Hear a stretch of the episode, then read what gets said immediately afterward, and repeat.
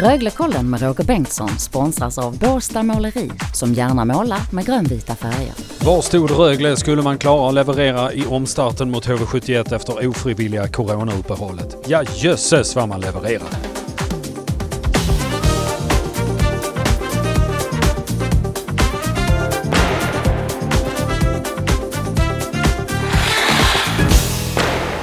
Tjo och tjena! Varmt välkomna till Röglekollen här på Radio Båstad. Det har ju varit tunnsått på sistone med Röglekollar för er kära lyssnare.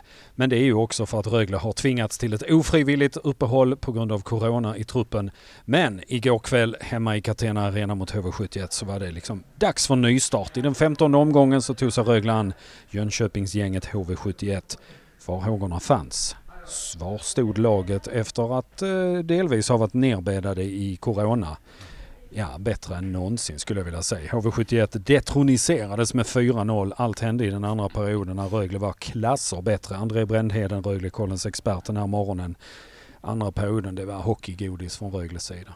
Ja men det var det. Det var fantastiskt att sitta och titta på. Det var ju eh, ja, men, rörelse på forwards, backarna och far fram och tillbaka. Och det, det såg verkligen ut som de hade svinroligt när de mm. spelade och man satt liksom och njöt och tyckte att shit vad bra de är. Och ett av Sveriges mer meriterade gäng med ett antal SM-guld innanför eh, bältet, HV71, eh, ja de förvandlades ju till statister. Ja, nej, men det gjorde de. De stod ju verkligen stilla Roger. Eh, egentligen stora delar av den andra perioden tyckte jag.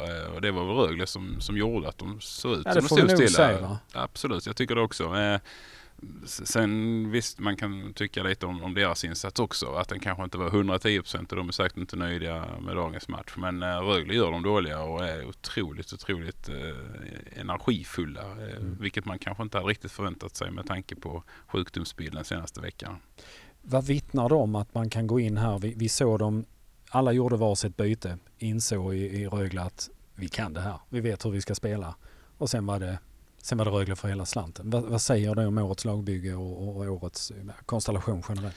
Ja, generellt skulle jag säga att det, det, är väl förmodligen det bästa som har eh, någonsin varit i Rögle-tröjan skulle mm, jag säga. Mm. Det känns faktiskt som det nu. Eh, man var bra i fjol men man är, tar mig tusan, mycket, mycket bättre i år. Eh, det känns som att man har fyra extremt bra femmor.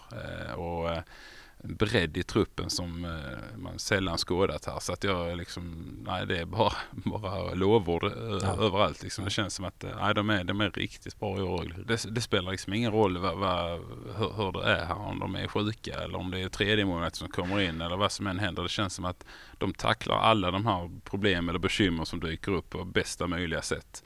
Eh, det känns som de har liksom en, en gruppdynamik som på något vis eh, kuggar i oavsett vad. Eh, och det är fruktansvärt intressant att se den eh, utvecklingen och den, den, truppen som är här i år. För att det känns som att det kan gå hur långt som helst. Brady Ferguson fick spräcka sin målnolla när han gjorde 1-0 eh, fyra minuter in i andra perioden. Och eh, sju minuter dryga senare så stod det 4-0 till eh, Rögle. Då hade Everberg och Nils Höglander gjort varsitt mål i powerplay och eh, Daniel Saar satte sen 4-0, stängde butiken och som det anstår ett eh, högklassigt SHL-lag så stängde Rögle sen ner, inte minst i tredje perioden. Spelade av, skapade någon halvchans, släppte inte till något, tog inga dumma utvisningar, lät klockan ticka. HV såg allt mer och mer modstulet ut. Mm. Tre poäng ingen som tokjagar poäng eller eh, utsätter sig för några risker utan ehm, en stabil dag på jobbet. Imponerande.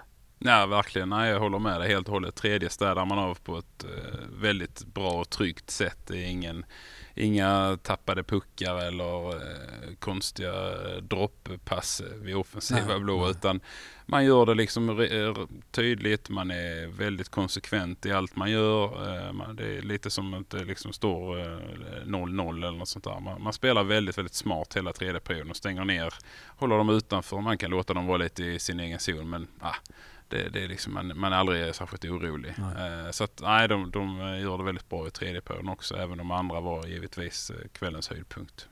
Ett ramstarkt Rögle där Adam Tambellini också var tillbaka efter två månaders skadeuppehåll och han kommer också att bli en tillgång. Nu väntar Linköping borta på torsdag, Frölunda borta på lördag och sen kommer Växjö hit på söndag för att spela en uppskjuten match då. Det är därför ni hör Röglekollen här i Radio Båstad på måndag morgon. Då är vi tillbaka med efterbörden ut av smålänningarnas besök här i Ängelholm.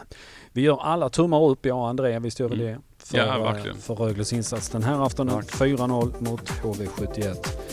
Det här är så underbart att följa. Och ni följer det absolut bäst här i Röglekollen på Radio Båstad. Tusen tack, eh, vi syns framöver. Det gör. Gör. Tack. Ha det gott, hej då! Hej då.